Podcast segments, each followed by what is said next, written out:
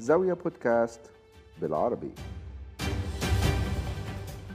أهلا بيكم وملخص سريع لأهم أحداث الأسبوع اللي فات واللي بيصادف آخر أسبوع في السنة سنة 2021 يلا بينا.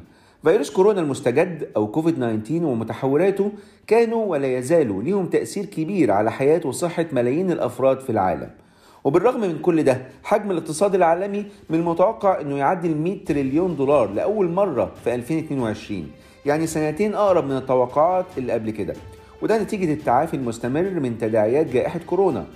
لكن ارتفاع وتسارع معدلات التضخم ممكن تكون عائق قدام النمو ده.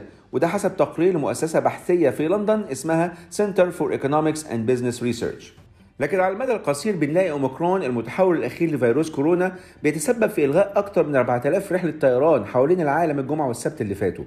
بعد الارتفاع الكبير في أعداد المصابين بالمتحول الجديد. واللي لحد دلوقتي الأبحاث بتقول إن خطره أقل من سلالات كورونا تانية ولكن انتشاره سريع. وده طبعا بيلقي بظلاله على أسعار النفط واللي بقت بتتأرجح من يوم للتاني.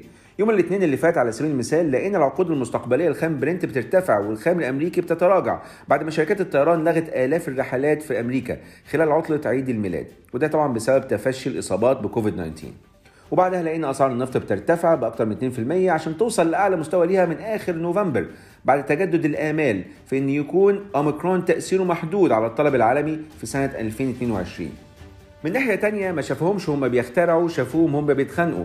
في نزاع قانوني كبير حوالين حقوق براءات الاختراع للقاحات كوفيد 19 فبنلاقي شركات الأدوية بتتنافس مع بعضها ومع علماء تبع الحكومة وعلماء أكاديميين. علشان نعرف مين اخترع إيه. المشكلة إن في مئات الملايين من الدولارات على المحك.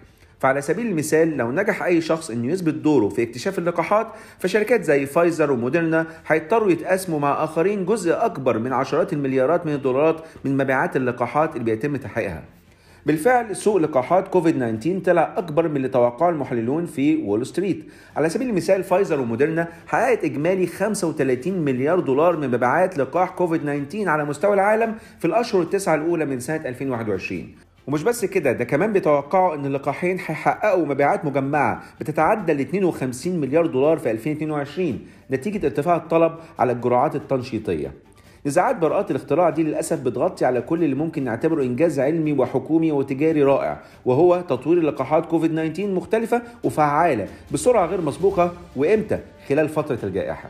ونروح للسعودية واللي قرر فيها مجلس إدارة الهيئة الملكية لمدينة الرياض تأجيل إطلاق استراتيجية مدينة الرياض 2030 لعدم اكتمال عناصرها والمفروض ينتهوا منها خلال 2022 السعودية بتستهدف استثمار 220 مليار دولار من خلال صندوق الاستثمارات العامة اللي هو الصندوق السيادي السعودي علشان الرياض تتحول لمدينة عالمية على سنة 2030 وتكون بكده من أكبر 10 مدن في العالم.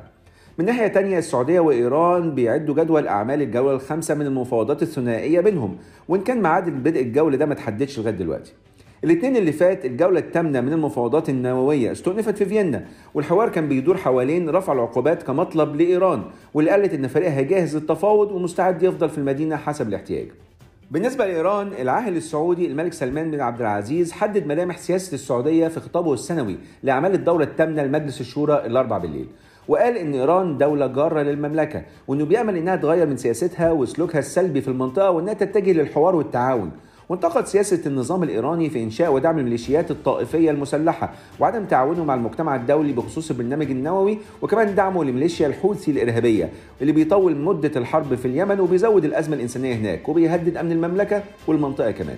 وقال برضو إن السعودية حريصة على أمن واستقرار اليمن والمنطقة وبتجدد التأكيد على مبادرتها لإنهاء الصراع في اليمن ودعم الجهود الأممية والدولية للتوصل لحل سياسي.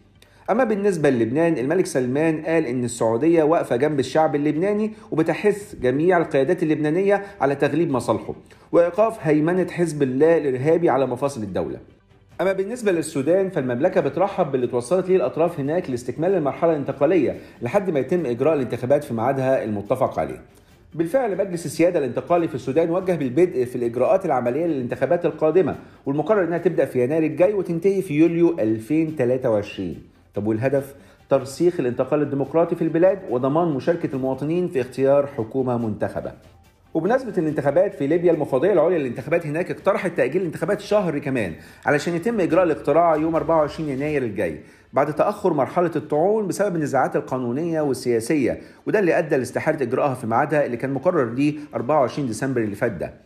من ناحيتها لجنة الشؤون الخارجية في مجلس النواب الليبي أكدت على حرص المجلس على إجراء الانتخابات في أقرب وقت ممكن وحل كل المشاكل ووضحت أن اختيار حكومة جديدة أو الإبقاء على الحكومة الحالية هو خيار المجلس ولازم الكل يحترمه.